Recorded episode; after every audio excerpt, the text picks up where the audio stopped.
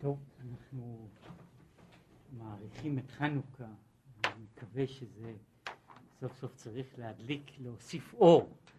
אז ככה אנחנו מוסיפים עוד יום אחד של אור. אה, בדף ל"ד עמוד א'.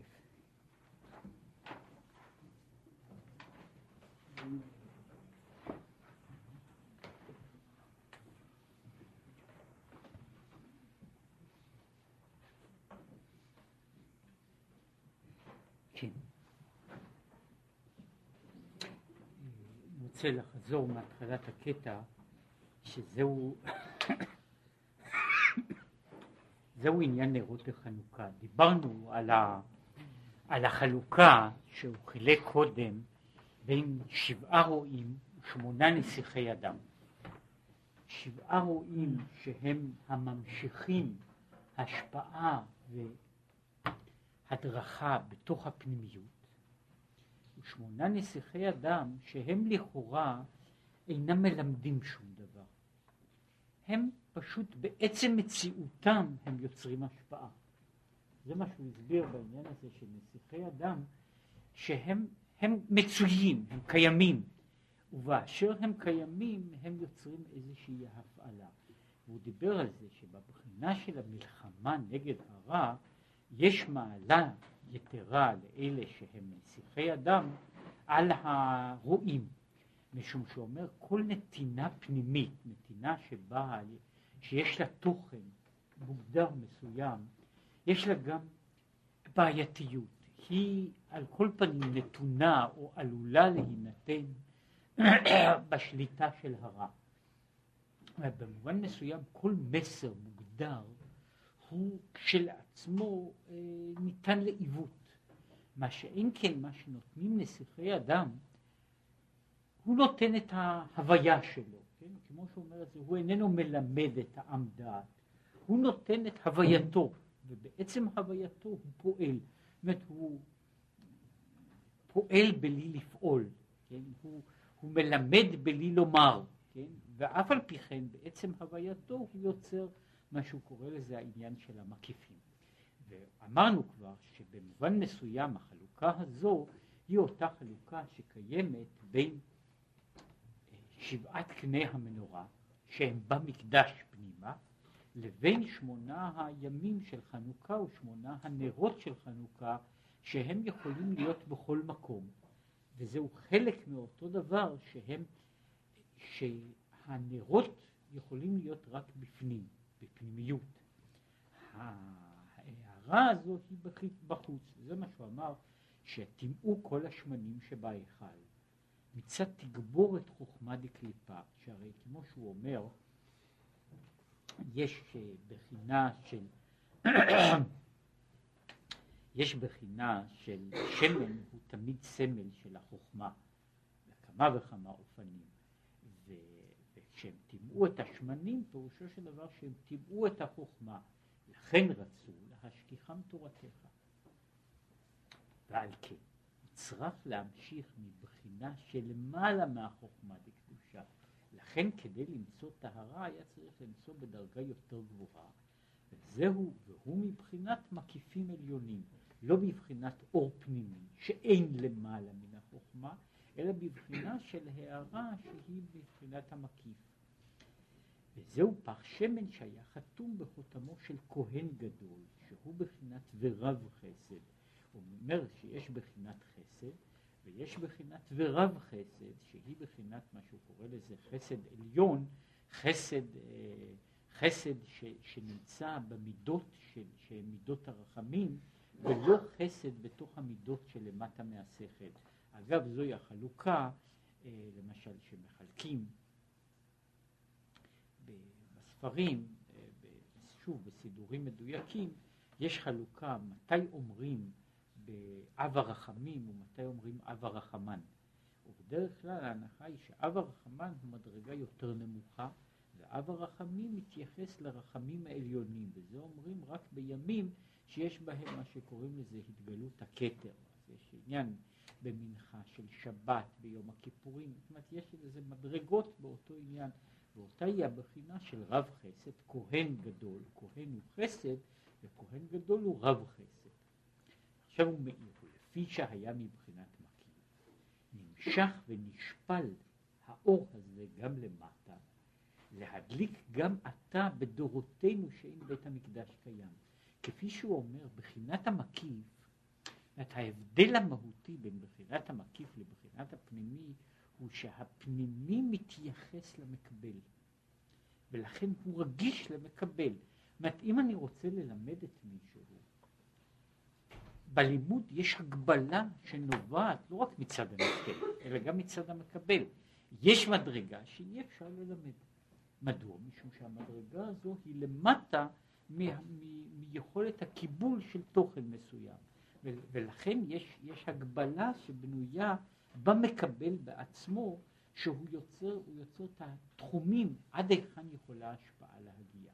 זוהי השפעה שבדרך פנימית, אבל השפעה שבדרך מקיף, מכיוון שאיננה מתייחסת בכלל אל כלי קבלתו של המקבל, היא נתינה מכוח מהות עצמה.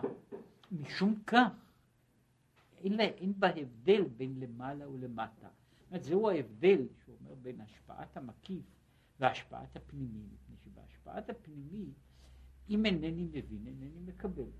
בהשפעת המקיף, בין כה וכה אינני מבין. זאת אומרת, הדבר הזה איננו כרוך בהבנתי, ולכן יכול להיות שאדם קטן מאוד יוכל לקבל מאדם גדול בדרך הזו של השפעת המקיף, אבל לא בדרך של השפעת הפנימי. בדרך של השפעת הפנימי יש גבלה?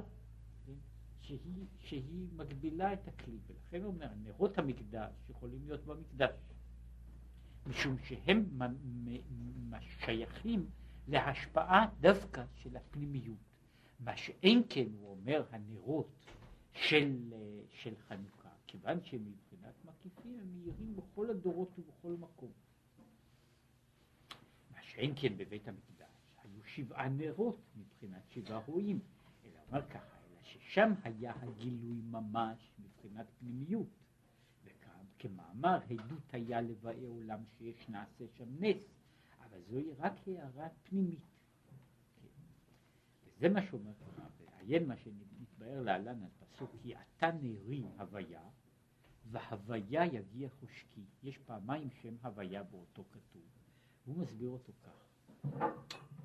כי אתה נרי, אנו הנרות של המקדש. זהו אתה נרי. ושם הוויה השני. הוא מבחינת סובב כל עלמין שלמעלה מהשתלשלות, שזה נמשך בחינת יגיע חושקי. כן, הוא אומר שיש הבחנה, השם הוא מאירי, זה צד אחד, והשם יגיע החושקי, יגיע חושקי הוא למעלה מהבחינה ומהמדרגה של הנר, או נר מסוים, אלא הוא הערה כללית שהוא קרא לזה היא הערה מבחינת המקיף. ועל דרך זה הוא עניין ההפרש בין שבעה רועים לבחינת שמונה נסיכי אדם.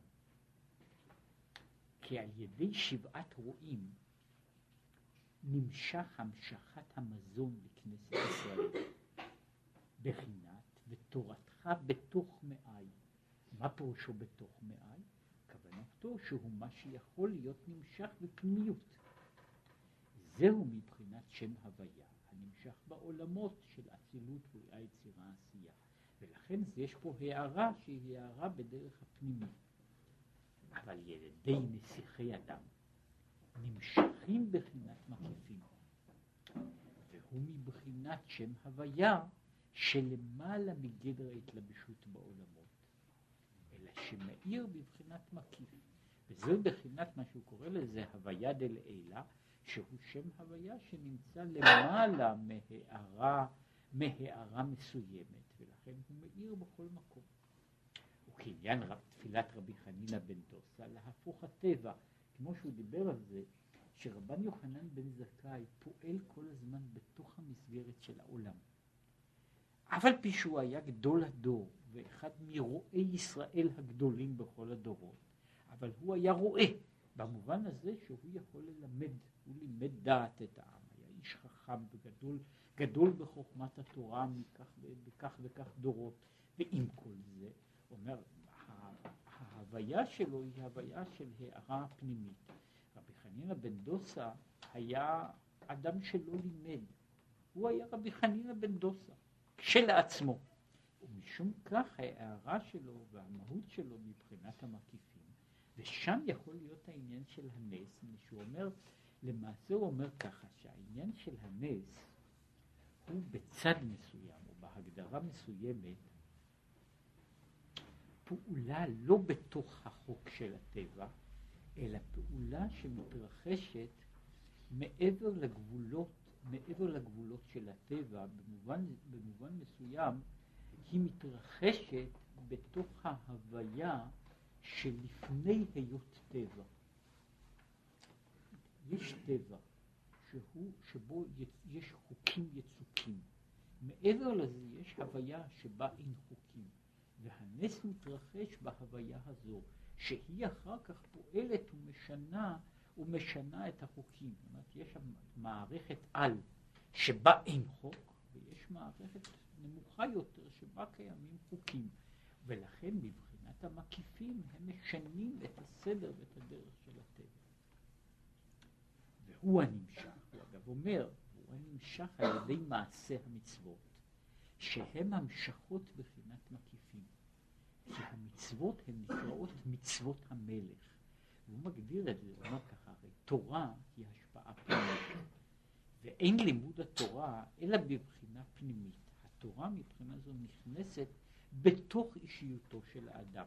וכשהתורה איננה נכנסת באישיותו של האדם, שהיא בעצם לא תורה. כן? זאת אומרת, התורה היא חייבת להיכנס פנימה, היא חייבת להיות נקלטת, מובנת.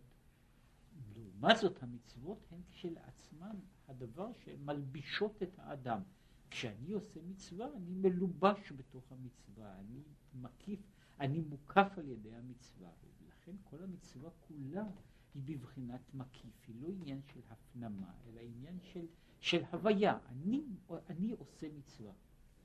וזהו עניין של שתי, שני אופנים של המשפחה, שני אופנים של הערה. עכשיו הוא מסיים, ולכן, בחינת משיח הוא גם כן מנסיכי אדם. בתוך הרשימה של נסיכי אדם מופיעים שם משיח ואליהו. גם המשיח הוא גם כן מנסיכי אדם. משום שהמשיח גם הוא איננו פועל פעולה פנימית, אלא פעולה שהיא בעצם בדרך המקיף. כי במשיח נאמר, והריחו ביראת השם. ושם ואמרו על המשיח, חז"ל אמרו על המשיח, שהוא מורח ודאים, הוא מריח ודן. זאת אומרת, הוא איננו צריך לשמוע מה הצדדים אומרים. הוא מבין בחוש הריח מי צודק ומי איננו צודק. הוא מריח את מי שהוא צדיק ומי שהוא רשע.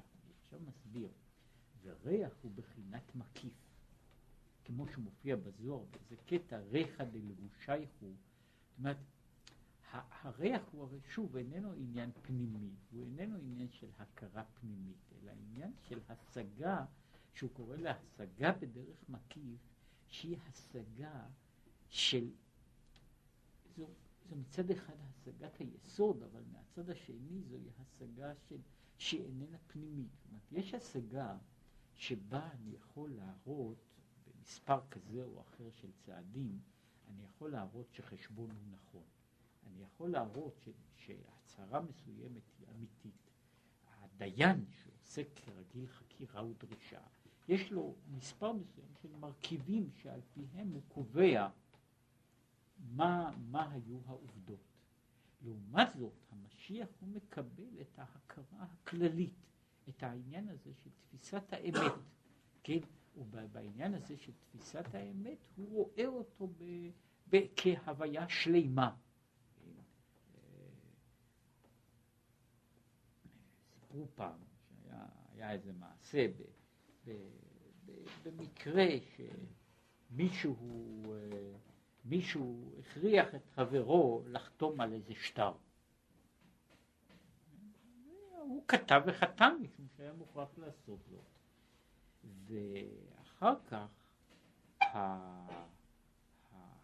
הביאו את זה ככה לדיון לפני אחד הרבנים שהיה גם צדיק מפורסם והוא קרא את השטר, הוא אומר אני לא רואה שם שום דבר כתוב. בשבילי השטר נראה לי שטר ריק לגמרי, מפני שאין בו שום דבר של, של אני לא, אני מרגיש שהוא לא יכול להיות אמת. כן? עכשיו, העניין הזה הוא מה שהוא קורא לזה בחינת משיח, שהוא הבחינה של, ה, של מה שקורא לזה מורח ודי, מה שאין כן הרואים, הם לא מריחים, הם בחינת מזון. עכשיו הוא אומר, ולקמן יבואר, ובמשיח יש שתי הבחינות. אחר כך הוא יסביר שהמשיח הוא גם פנימי וגם חיצוני, שהמשיח הוא גם משפיע באופן פנימי וגם משפיע בבחינת ההוויה, כן? ואלה הם שני הצדדים של, ה, של העניין ושל ההוויה שלו. עכשיו הוא ממשיך הלאה עד ש... זאת אומרת, מגיע לסיכום הלאה בסוף העניין.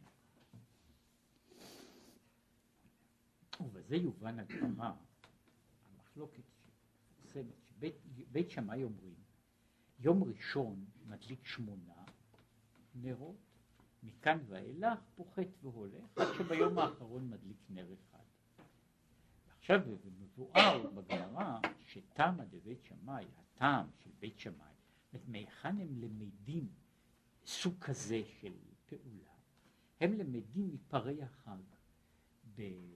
בחג הסוכות הרי מקריבים בכל יום קורבן מוסף, וקורבן המוסף הזה יש בו בכל יום שינוי במספר הפרים שהיו מקריבים לעולה, שביום הראשון מקריבים שלושה עשר, ביום השני שנים עשר וכך הלאה. לכן אנחנו רואים שיש מתכונת של חג שהוא פוחת והולך, זאת אומרת בכל פעם יש, יש יום אחד פחות. עכשיו הוא ובית הלל אומרים שיום הראשון מדליק אחד, מכאן ואילך מוסיף והולך. עכשיו הוא חוזר לעניין. קודם כל, מהי ההשוואה בין סוכות לחנוכה? מדוע, מדוע באה ההשוואה הזו בין פרי החג לנרות החנוכה? ואגב, יש להשוואה הזו צד מסוים שהוא גם, אה, הוא לא מדבר בו כאן במפורש, יש צד מסוים של השוואה, שזו בחינה של כמעט, קוראים לזה, זה בבחינה מסוימת זאת אנלוגיה של היפוך. פרי החג הם שבעים פרים, ואומרים ששבעים הפרים הללו הם קורבן שמביאים בשביל כל האומות. וכיוצא בזה אנחנו מוצאים בספר זכריה, ששם מופיע בתיאור של הגאולה, שלעתיד לבוא כל הגויים יבואו להשתחוות לשם בחג הסוכות. זאת אומרת שדווקא חג הסוכות זה החג של, שבמובן הזה הוא חג של שלום העולם, כן, שכל העמים יבואו להשתחוות לשם דווקא בחג הסוכות, כן, שם יש אריכות דברים בעניין הזה, דווקא בחג הסוכות. עכשיו יש בצד הזה, זה דווקא, זה עומד כאילו באופן, ב, כמו שאמרתי, בהקבלה ניגודית עם, עם חג החנוכה, שהוא לכאורה המלחמה, המלחמה של ישראל אל מול הגויים. כן? זאת אומרת, הוא עומד במין הקבלה שהם רואים שבכל זאת יש צד, צד שווה, צד משותף בעניין הזה, וכי מיד, מיד הוא יגיד משהו בעניין הזה. אה, אה, כי הנה, עניין פרי החג הוא גם כן קשור להמשכת מקיפים עליונים. כי סוכות הוא התגלות המקיפים. בעצם הרי כל חג הסוכות זה התגלות של מקיפים, משום שחג הסוכות הוא כל כולו, כל כולו כשמו הוא עניין של מקיף, או כמו שמישהו אמר, אומר מצווה, יש מצוות שאני אוכל, יש מצוות שאני מחזיק ביד, אבל חג הסוכות הוא, בחג הסוכות זה מצווה שאני נכנס אליה, כן? זו המצווה שהיא כל כולה בנויה על זה שהיא מקיפה אותי ולא אני אותה. כן, אני נכנס אל תוך המצווה. כן, וזהו זהו העניין, וזה זה, כלומר, זה מה שאומר, כי גבר עלינו חסדו, כן, שהוא קשור להלל, אבל הוא קשור, ל, ל, ש, שגם כן נאמר, זה העניין הזה של החסד שנמצא, גבר עלינו חסדו, הוא בבחינה הזו שהחסד איננו, איננו כבר, איננו שופע פנימה, אלא הוא מקיף אותי מכל צד. שכל העניין של חג הסוכות הוא כולו בנוי על העניין הזה שאני מוקף באהבת השם. כן?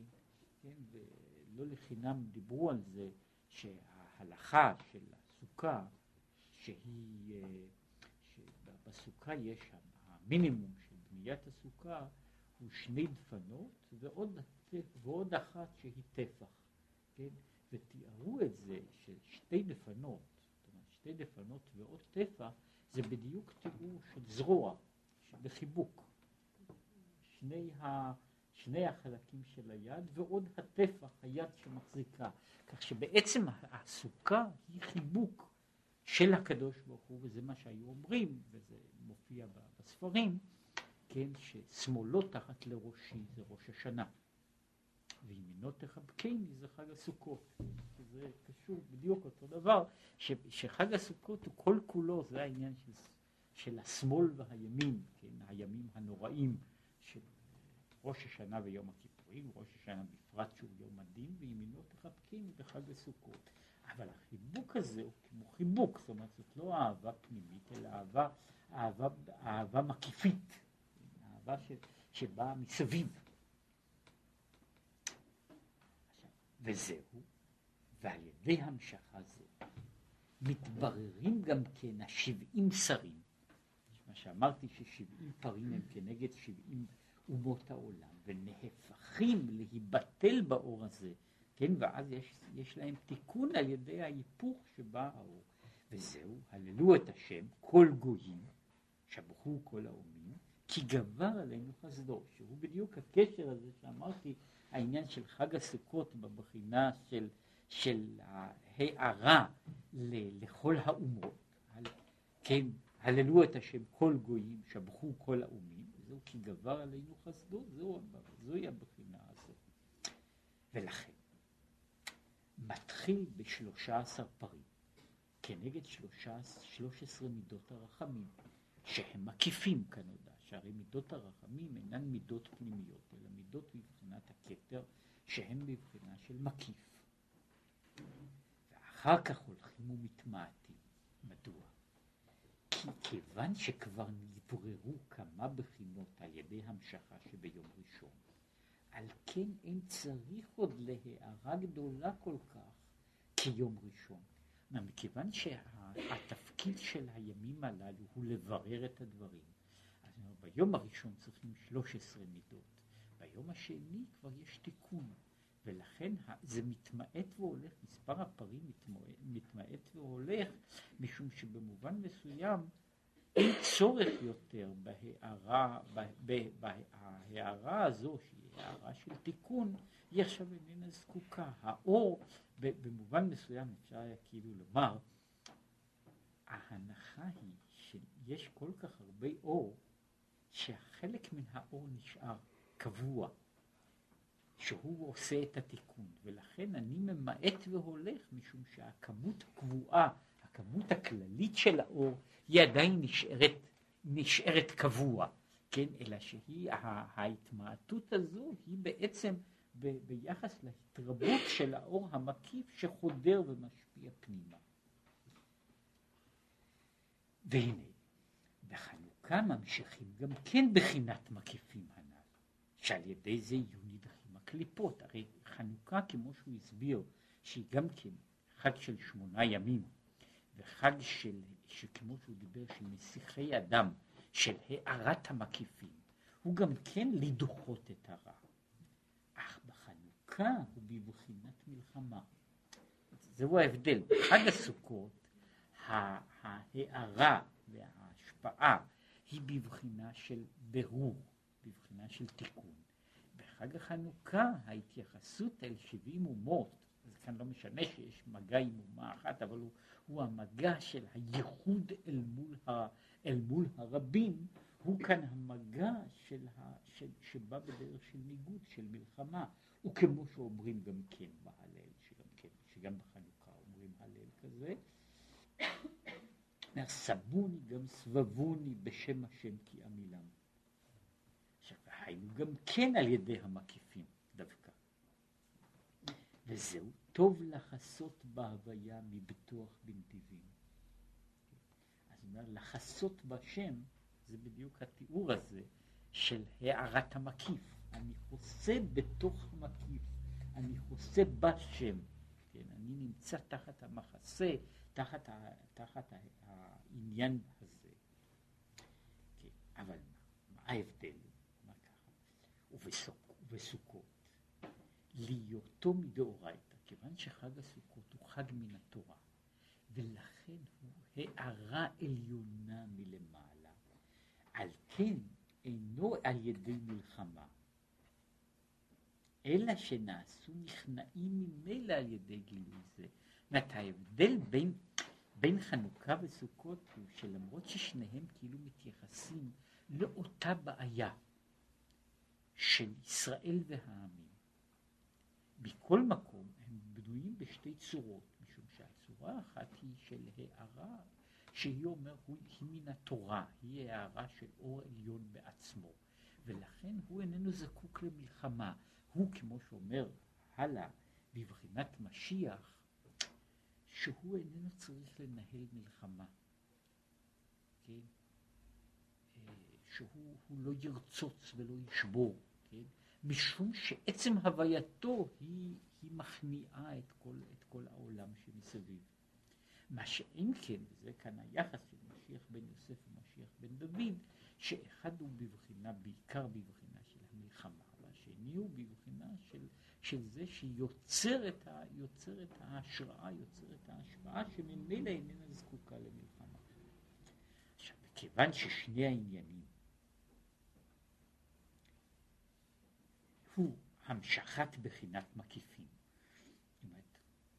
גם סוכות וגם חנוכה, על כן למדים בית שמאי לנרות לחנוכה מפרי החג, שתחילה צריך להיות גילוי גדול יותר, ואחר כך יהיה מתמעט והולך מטעם הנזכר לאל בפרי החג. אם כן, הם אומרים, בית שמאי אומרים, שאפשר להתחיל, צריך להתחיל באור הגדול, והאור הגדול כאילו נשאר קבוע, הוא נשאר קבוע, ולכן ביום השני מספיק לי להדליק רק, רק שבעה נרות, וכך הלאה, אני, אני פוחת והולך לא משום שאני פוחת והולך במה, במהות ובמעלת הדברים, אלא אני פוחת והולך בעניין של, של הצורך שלי לפעול פעולה. מה, הצורך שלי לפעול פעולה נעשה קטן יותר ככל שהימים נמשכים, משום שההערה הראשונה כבר הייתה דיה לכך. עכשיו, ובית הלל מעלים בקודש. הנימוק שלהם הוא שמעלים בקודש ולא מורידים, ולכן צריך להוסיף. בכל יום צריך להוסיף אחד. פירוש. דלא דמי, אינו דומה ללמוד זה מפרי החג. מדוע? למרות שהם מסכימים שיש דמיון מהות בין חג הסוכות וחג החנוכה. אגב, בספר המכבים, ספר המכבים מתואר שאת חג החנוכה, כנראה הראשון, את חנוכת המזבח, חגגו בכפות תמרים. כן? גם כן, זאת אומרת ש... שהאנלוגיה הזו היא לא, היא לא חדשה, אלא היא, אה, היא, היא אה, ממש מראשית הדברים. מדוע בכל זאת הם אינם למדים מחג הסוכות ומפרי החג? כי חג הסוכות הוא דאורייתא, הוא מן התורה, ואורייתא מחוכמה עילאה נפקת, מלמעלה למטה. התורה היא כל כולה מהלך שמגיע מלמעלה למטה. זאת כל המהלך של התורה הוא השפעה מלמעלה, ומשום שהוא השפעה מלמעלה, אם כן בא ונמשך הגילוי מצד עצמו מלמעלה למטה, ולכן הגילוי של הסוכות הוא נובע בעצמו, כן? הוא שופע, הוא שופע מצד עצמו. אני אינני צריך לעשות שום דבר. ולכן גם ההערה היותר גבוהה יכול לבוא ולהימשך בתחילה. כי מי מעכב ומי מונע על השם יתברך. אומר, הקדוש ברוך הוא יכול להתחיל, להתחיל ביום הראשון ולתת את כל האור הדרוש. כי היד, והיד השם תקצר, וכי היד השם תקצר שהוא איננו יכול, אם כן, מכיוון שכל ההשפעה הזאת היא בדרך של נתינה מלמעלה, בידי שמיים כולה, לכן היא יכולה להיות הערה עליונה ביותר כבר ביום הראשון. מה שאם כן בחנוכה, שהוא מדרבנן, שבסופו של דבר זהו חג שבא במהותו מלמטה למעלה. הוא חג, זאת אומרת, יש חג שבא, ש, ש, כמו החגים בתורה, הם חגים שבאים אלינו מלמעלה. חג החנוכה קבעו חכמים, כלומר הוא חג שאנחנו עושים אותו אנחנו עושים את ה... יוצרים את ההתחלה, הוא חג שמתחיל מלמטה למעלה, משום שהוא מתחיל מלמטה למעלה. כן, כיוון שממשיכים זה מלמטה, אי אפשר להגיע ולהמשיך הגילוי הגדול בתחילה. כי אם מעט מעט. מכיוון שזה, הוא אומר, כשאנחנו מדברים בתופעה שנמצאת בידי, בידי שמיים, תופעה שנמצאת בידי שמיים איננה, איננה קשורה בחוקיות מסוימת שהיא דורשת למשל התפתחות, התקדמות. משום שהקדוש ברוך הוא יכול לעשות הוויה מוגמרת תחילה. כן, ולכן הוא אומר, הוא יכול לעשות שביום היום הראשון של הסוכות יהיה כל כולו אור. אומר, כשאנחנו צריכים לעשות, אנחנו איננו הוויות מוגמרות. אנחנו הוויות ש, שצריכות לי, להתעלות, להשתלם. בשבילנו כל הדבר הזה הוא דרך, הוא, הוא, הוא עניין של, של, של מהלך, וכיוון שהוא מהלך, לכן אנחנו ממשיכים את הגילוי מעט מעט, שבתחילה ממשיכים נר אחד, ואחר כך מעלים בקודש, והולך ומוסיף אור יום, יום אחד ויום שני. עכשיו הוא אומר ככה, הוא מביא פה את הדוגמה לדבר, ודוגמה לדבר, מפסח ספירת העומר. כי בפסח היה הגילוי בהתערותא דלעילא מצד עצמו. הגילוי של חג הפסח הוא גילוי שבא מצד עצמו. וכיוון שהוא בא מצד עצמו, זאת אומרת, הוא בא, מה שהוא אומר זה שנגלה עליהם מלך מלכי המלכים הקדוש ברוך הוא. עכשיו הוא אומר, נגלה עליהם מלך מלכי המלכים, פירושו שזו התגלות של העליון ביותר. יש בספרים כותבים על העניין, על הדיוק של הלשון, מלך מלכי המלכים, שזהו גילוי שכינה. כי, עכשיו, אומר, מלך מלכי המלכים, עכשיו, לצורך זה, אינני צריך מה שקוראים לעשות, אינני עושה ספירה לפני פסח. משום שבפסח אינני צריך לעשות את ההכנה הזו לגילוי שכינה. משום שגילוי שכינה זה בא כולו בהתערותא דלעילא. וכיוון שהוא בא כולו בהתערותא דלעילא, אינני זקוק, ל... אינני זקוק להכנה לו. למעשה ההכנה היחידה שיש בעצם בפסח, היא שאני צריך רק ללמוד דבר אחד שהוא חשוב, שלא לקלקל.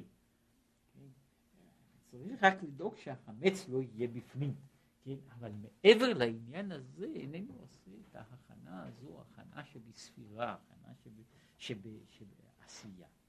אחר כך להיות וספרתם לכם, דווקא. זאת אומרת שההדגשה היא בלכם, וספרתם לכם, שצריך להפוך המידות, כן? שזוהי העבודה שבין פסח לעצרת, שהיא עבודה של תיקון ושינוי המידות שבנפש. על ידי שממשיכים היום, יום אחד לעומר, לנפש הבהמית. זאת הוא אומר ככה, יש יום, והוא מגדיר פה יום בהרבה מאוד מקומות, יום הוא אור. יש אור אחד ומאירים אותו בתוך הנפש. אחר כך יש אור שני ומאירים אותו גם כן בתוך הנפש. ואחר כך הוא אומר, אחרי היום הראשון הוא למחר, היום שני ימים לעומר. אין אומרים יום שני, אלא שני ימים. כלומר, היום נמשך בחינה עליונה יותר, הכוללת שני ימים. כן, אז הוא אומר היום שני ימים, היום שלושה ימים, זאת אומרת, אני לא אומר היום יום שני, שלישי וככה, אלא היום שני ימים. פירושו של דבר, מה שהיה אתמול צריך להישאר, אבל היום יש שני ימים לעומר. עד שבסוף יש, יש תשעה וארבעים יום לעומר, כן, שהם, שהם uh, משלימים את העניין, אבל הם כל כולם מצ, מצטברים כמו, הרי הדוגמה שלו ב, ב, בחג החנוכה, שאני בכל יום מוסיף נר אחד, זאת אומרת, יש נר, היום יש שני נרות, שלושה נרות וכך הלאה, כלומר שהם כוללים את הנר, את הנר הישן ועוד מוסיפים עליו עוד נר חדש אחד.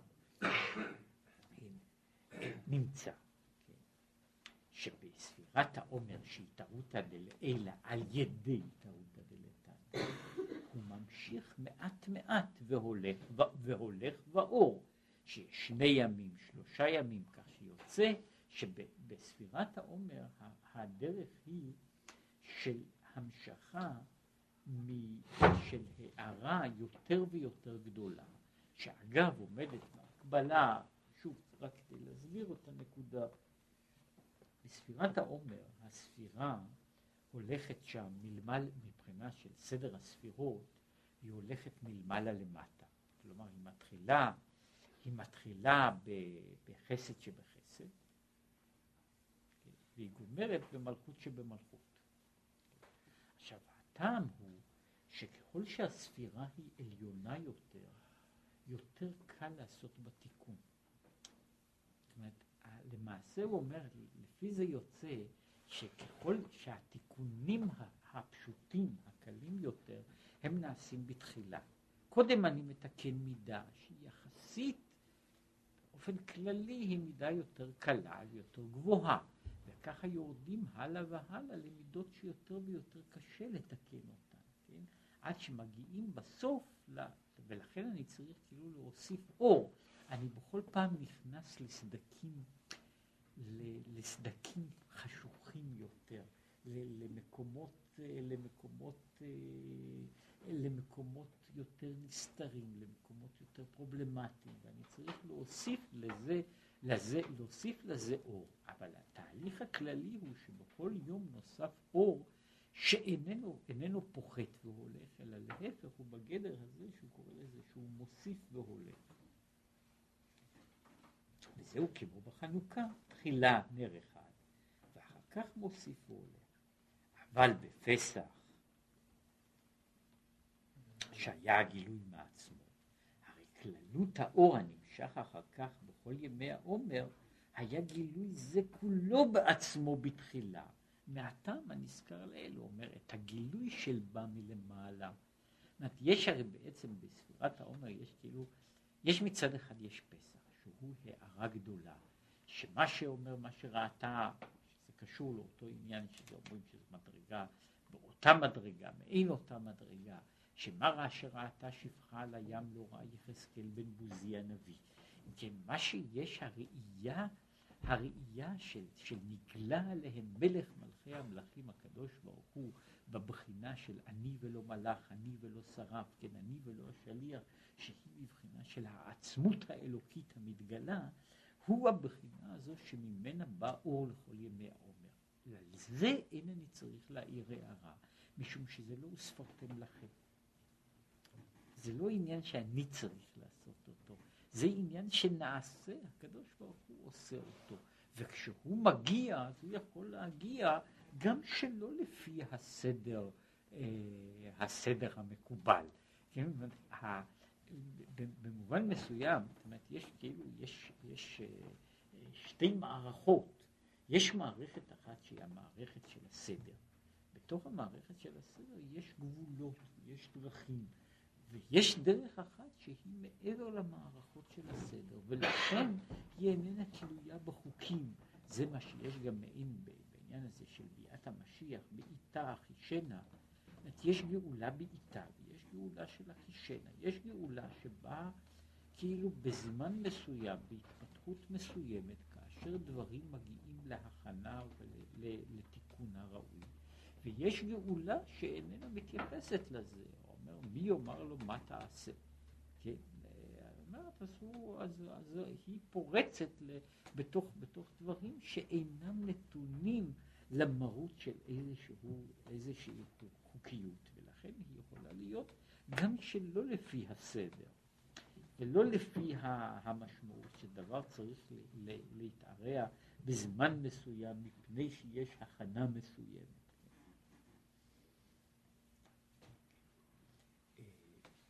וגם מזה יובן, אגב, מזה יובן מה שכתוב בפרי עץ חיים.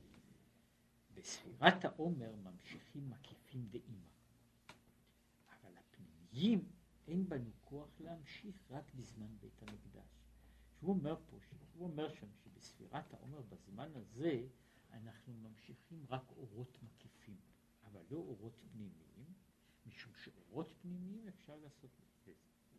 והוא כמו שנתבאר בעניין שבעה רועים, שהם בחינת הפנימיים. וזה היה במנורה שבבית המקדש, שבעת קני המנורה, מה שאם כן עכשיו ממשיכים מבחינת המקיפים, שהם שמונה נסיכי אדם. ושמונה נסיכי אדם הם הערה שלמעלה מההערה, מההערה של הפנימי, ולכן הם פועלים ויורדים בכל מקום, כן? ש, שההערה הזו שמבחינת המקיף איננה תלויה איננה מוגבלת בגבולות מקום, זמן, ראוי ושאינו ראוי. זאת אומרת שכל החלוקה, ויש, וזה, היא מופיעה בכל מיני אופנים, יש חלוקה של הערה, יש הערה פנימית, וכל הערה פנימית היא הערה שיש לה התייחסות. הערה של מקיף אין לה התייחסות אל המקבל, ומשום כך היא יכולה להיות כשם שהיא פועלת על הגדול ביותר, כך היא פועלת על הקטן ביותר, משום שהיא במהותה הערה שאין לה חוקיות. זאת אומרת שהיא איננה מותנית באיזשהו מספר של צעדים כדי להביא אותה. לכן היא, היא פועלת מצד עצמה כהוויה, כהוויה עצמית ולא כדבר ש, ש, שזקוק לתווך, למדיומים, כדי להעביר.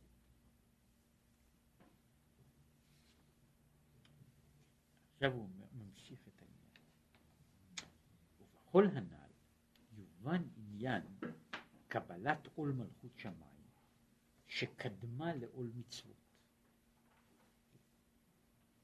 היינו, שהוא בחינת בכל מאודיך ברור נפש הבעמית של נר הוויה נשמת אדם. יש דבר כזה, שמה, מה זה עול מלכות שמיים? קבלת עול מלכות שמיים הוא בעצם מדרגה שהיא למעלה מאשר בכל לבבך ובכל נפשך.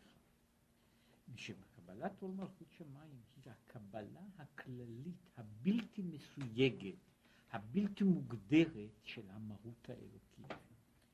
מבחינה זו קבלת, קבלת מצוות, אני אומר שיש קבלת מצוות. קבלת מצוות כוללת כך וכך סעיפים, ולכן היא מוגדרת.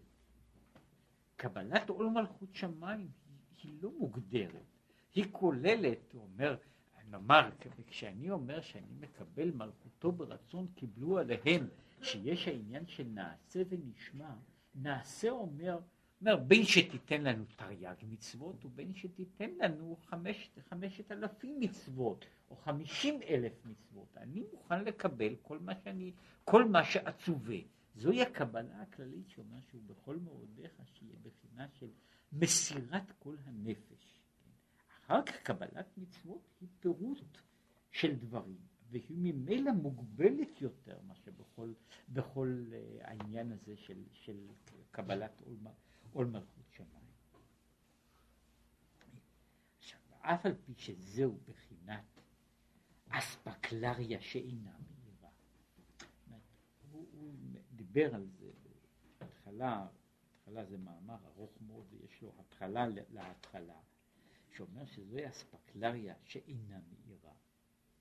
משום שקבלת, יש בה, בכל העניין הזה של קבלת עול מלכות שמיים, הרי קבלת עול מלכות שמיים, כמו שהיא מצד אחד התחייבות גדולה מאוד, היא גם התחייבות שאין לה תוכן.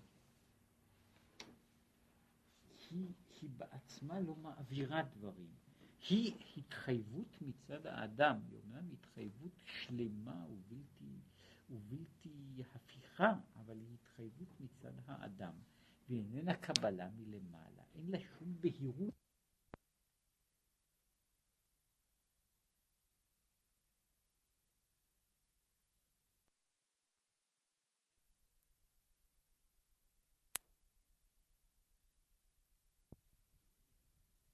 קודם לעול מצוות, אם היות שנר מצווה הוא בחינת אספקלריה מאירה. למרות שנר מצווה הוא דבר שמאיר, בכל זאת יש כל מעול מלכות שמיים קודם. מדוע? אך משום שעל ידי זה יש גילוי בחינה עליונה יותר, כנזכר לעיל.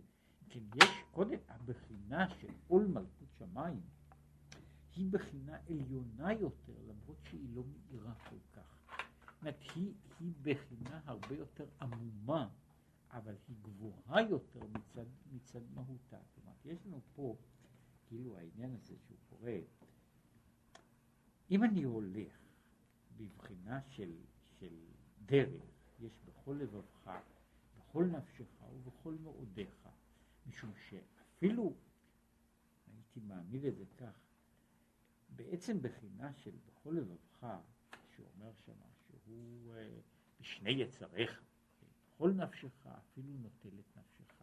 עכשיו, בכל מאודיך זה ועוד כל מה שהוא יצווה עליו.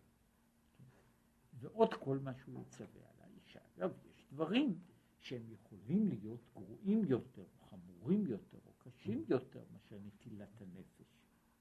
כן? ובכל מאודיך הוא, ה, הוא הנכונות לקבל על עצמו דברים שהם, שהם עד, עד אין גבול, כן? עד אין סוף, כן? יש ב, בעניין הזה, יש, אה, הגמרא אומרת שם, היא אומרת שם על, אה, שעל אותם האנשים שהם בשבילנו המופת למסירות נפש, חנניה, מישאל ועזריה, הגמרא אומרת ככה, שאם היו מכים אותם, הם היו משתחווים לצלם. זאת אומרת, שיש מצבים, וזה דבר שהוא ידוע, שיכול להיות שבן אדם יעמוד בגבורה מול איום של מוות, ויעמוד בזה, כן, ויהיה, מוכן וילך שימיתו אותו, אבל הוא איננו יכול לעמוד בתוך ייסורים. יש, תלוי, יש דרגות יש דרגות מעל דרגות של הדברים הללו, אבל יש ייסורים שאדם איננו יכול לעמוד בהם. עכשיו העניין של בכל הוא בעצם כולל הכל. בכל מאודיך כולל כל דבר שבעולם, מכל סוג שבעולם. כן? הרמב"ן באיזה מקום כותב, הוא כותב על ה... פרשת וישלח, הוא מדבר על, ה... על העניין, על ה...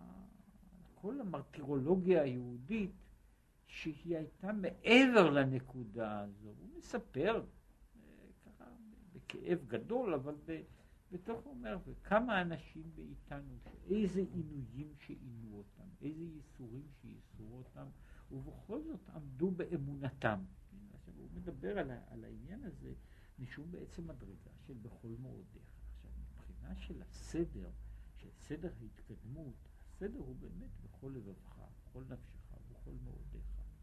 אבל הוא אומר, לפני, בעצם לפני קבלת עול מצוות, יש, יש סדר אחר, שהוא קבלת עול מלכות שמיים, שכולל בתוכו, אמנם לא בצורה בהירה, בצורה עמומה, את העניין של בכל מאודיך. הוא כולל בתוכו את הקבלה של הכל. משום שקבלת עול מלכות שמיים, שוב, היא הקבלה הכללית שנקבעה לפני ובטרם היות כל מצווה. ועוד, שהוא כמו הפתילה ושמן, שאין דרך להיות נתלה האור בשמן, שהוא מה שהוא קורא לזה נר מצווה, כי אם על ידי שנאחז תחילה בפתילה, שהיא בחינת נר הוויה נשמת אדם. כן? וכמו שהוא מסביר, שה, שבבחינה הזו השמן היא המצווה, אבל הפתילה היא הנפש בעצמה. היא הנפש היא, ה, היא הדבר הזה, היא הדבר ש, שבעצם כל הזמן בוער באש. ולכן הוא אומר, צריך קודם לתקן את, הפ... צריך לתקן, להאחיז את האור בפתילה לפני שהאור הזה נדלק בשמן. ולכן גם כן, ספירת העומר, שהוא זיכוך נפש הבעלות, שאומנם הוא אספקלריה שאינה מהירה, קדמה למתן תורה של שבועות, שהוא נר מצווה, שהרי מתן תורה הוא המתן של התורה, של הדברים המסוימים, ולפני זה יש תהליך של הזיכוך הקודם לאותו דבר. וזהו, מה שנאמר בספירת העומר, וספרתם לכם למחרת השבת.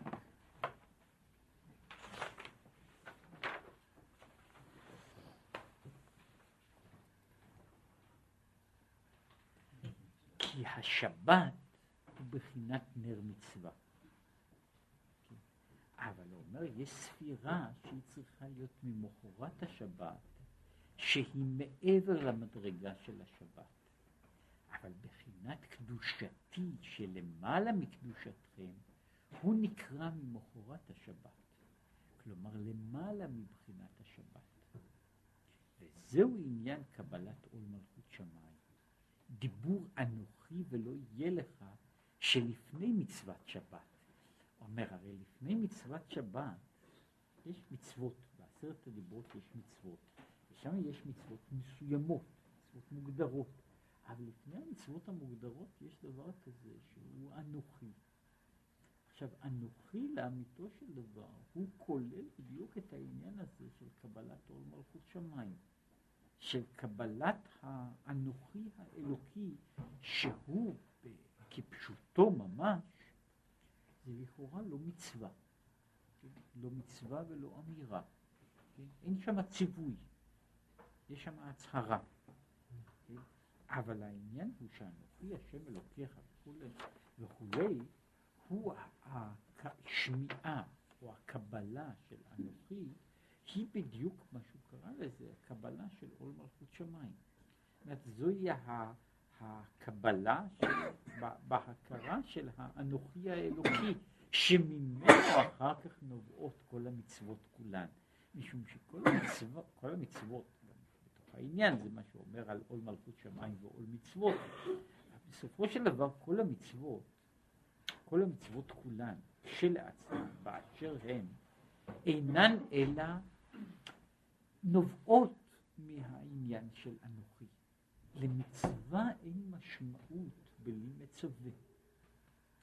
וקבלת המצווה בהכרח קודמת לקבלת המצווה. כלומר, היא קודמת מבחינה סיבתית, קבלת המצווה היא דבר ראשון. קבלת המצווה היא דבר שהוא שלב שבא אחריה. אם כן, יש השלב הראשון הוא לקבל את ה... לקבל את, ה, את המצווה, וזהו העניין של מה שהוא קרא לזה, שזוהי הבחינה של קדושתי למעלה מקדושתכם. זאת אומרת, אני מקבל את העניין הזה של עול מלכות שמיים, של המהות והמהות שלמעלה. והוא עניין, ספרתם לכם, ספרתם לכם, להיות שספירת העומר הוא זיכוך הנפש כנודע, ותיקון המידות להפך חשוכה לנאורה, זוהי הבחינה שהיא ממחרת השבת, ואחריה באה הבחינה של המצווה, וזה מה שהוא קורא לזה, שיש קדימת עול מלכות שמיים לעול מצוות שהיא הקדימה של המהות, המהות העליונה, לפני, לפני המצוות המסוימות. הקדימה של הערה שלמעלה לפני שמגיעים דברים אל, אל התגלות של, שלמטה.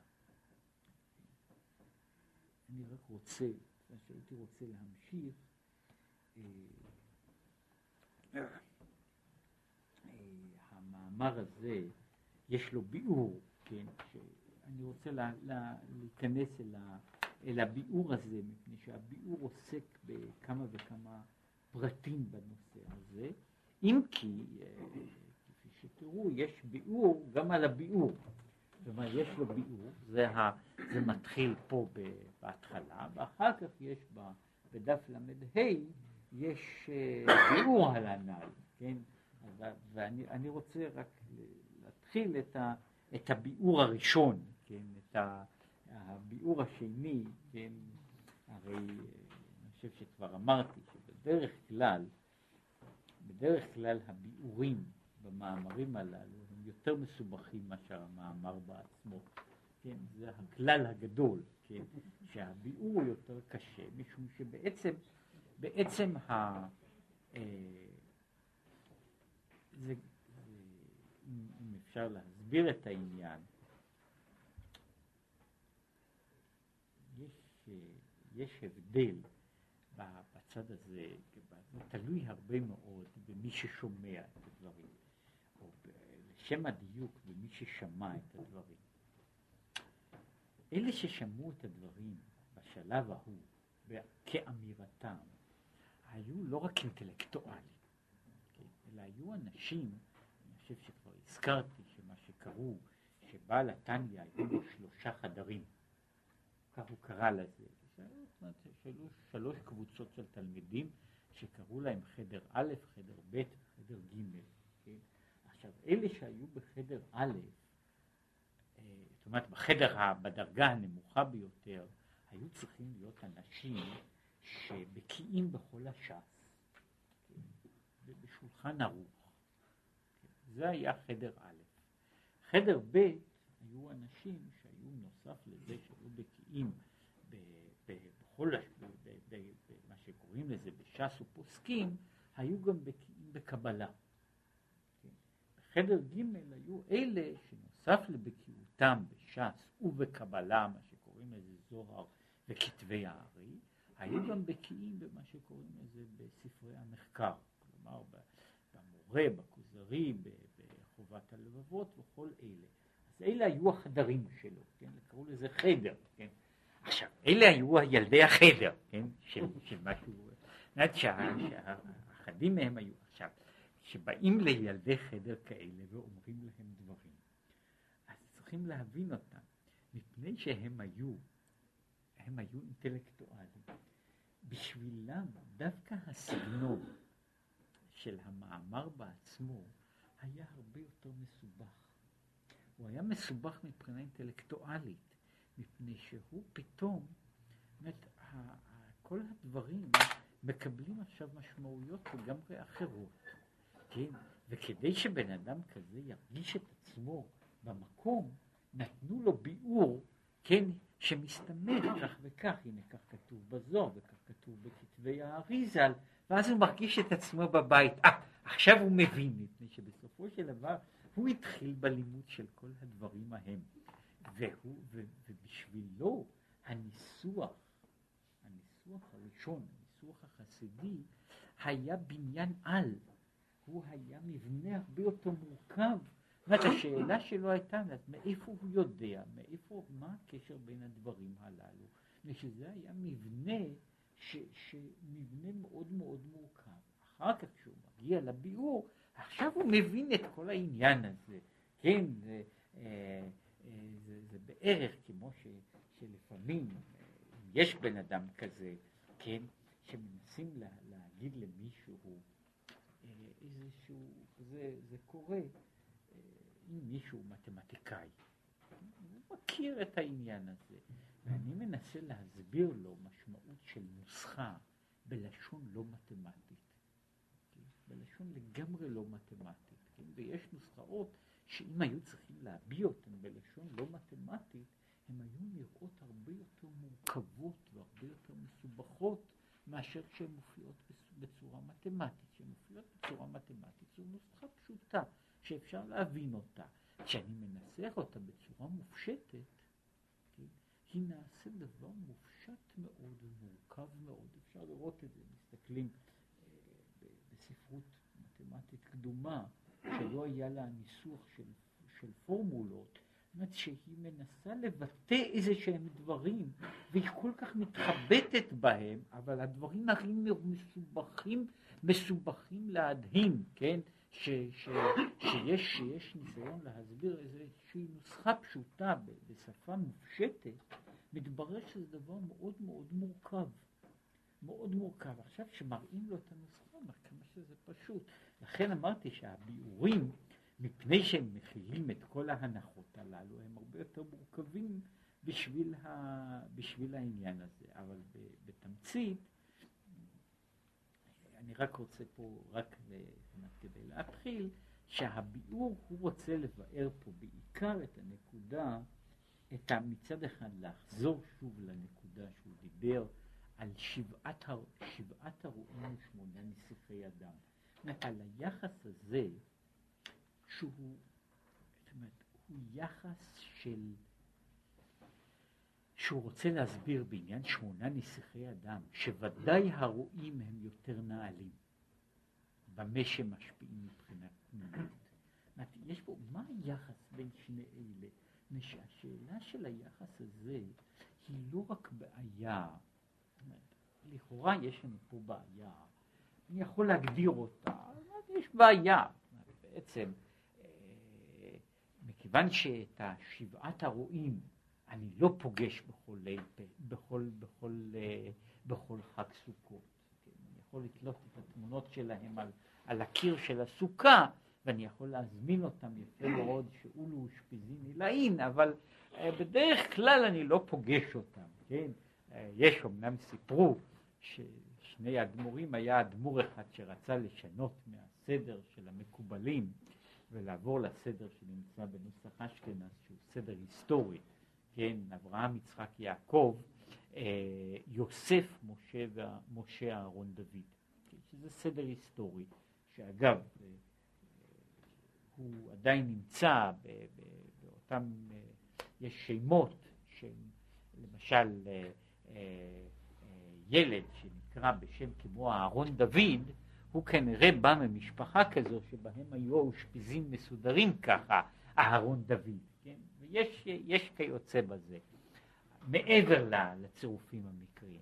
בכל אופן, היה בן דודו אומר לו, אומר, איך אתה יכול לומר דבר כזה?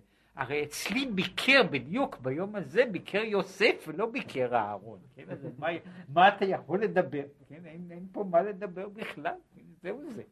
כן, עכשיו, בא, אני אומר שמכיוון ש, שאנחנו איננו רואים בדרך כלל את, ה, את שבעת, ה, שבעת הרועים, וגם לא את שמונה נסיכי אדם, זאת אומרת, אז לכאורה הדיון הזה הוא, אה, הוא כל כולו בדיון של עולמות עליונים. עכשיו, לדיון הזה של עולמות עליונים יש בלי ספק אה, גם משמעות מאוד, ממש, מאוד ממשית לגבי, לגבי העולם שלנו, מפני שהוא בעצם דן בהשוואה בין שני אופנים של התייחסות. אומרת, בין שני אופנים אפילו של לימוד. והבעיה הזו היא בעיה, איפה אדם צריך ללכת? איך, איך הוא צריך לקלוט דברים? האם הקליטה צריכה להיות מופנמת? או שעדיף לו ללכת למקום שבו הוא יכול לקלוט דברים בלי להבין אותם. כן? האם עדיף להגיע למקום שבו יש, שבו יש השגה, או למקום שבו יש, שבו יש מה שקוראים אינטואיציה, פה יש השראה. כן? העניין הזה, ההבדל הזה בין הרועים ונסיכי אדם, הוא הרי מוגדר כאן בתור הבדל בין, מבחינה מסוימת בין שתי מהויות ושני אופנים שהם אופנים של התייחסות לדברים, הם אופנים של, של, של הבנה, איך אני, איך אני צריך להבין דברים, איך אני צריך להתייחס אליהם.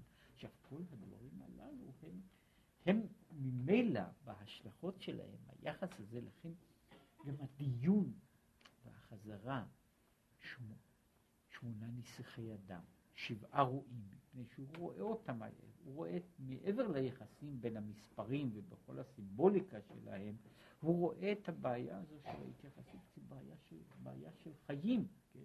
איך צריך לעשות את ה... מה, מה צריכה להיות הדרך, מה, מה צריכה להיות ה...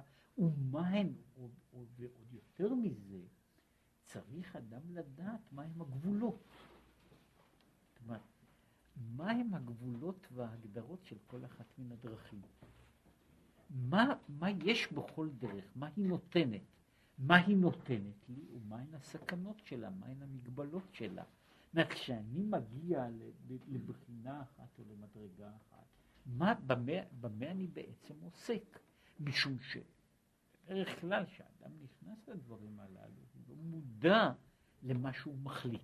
ולכן הבירור הזה, כן, מדוע, בצד מסוים, שבעת הרועים הם, כמו שאומר את זה, הם דמויות הנצח שלנו. כן? שמונה נסיכי אדם הם עומדים בקטגוריה אחרת, קטגוריות אחרות. עכשיו, מה, מה היחס בין, בין שתי המערכות האלה?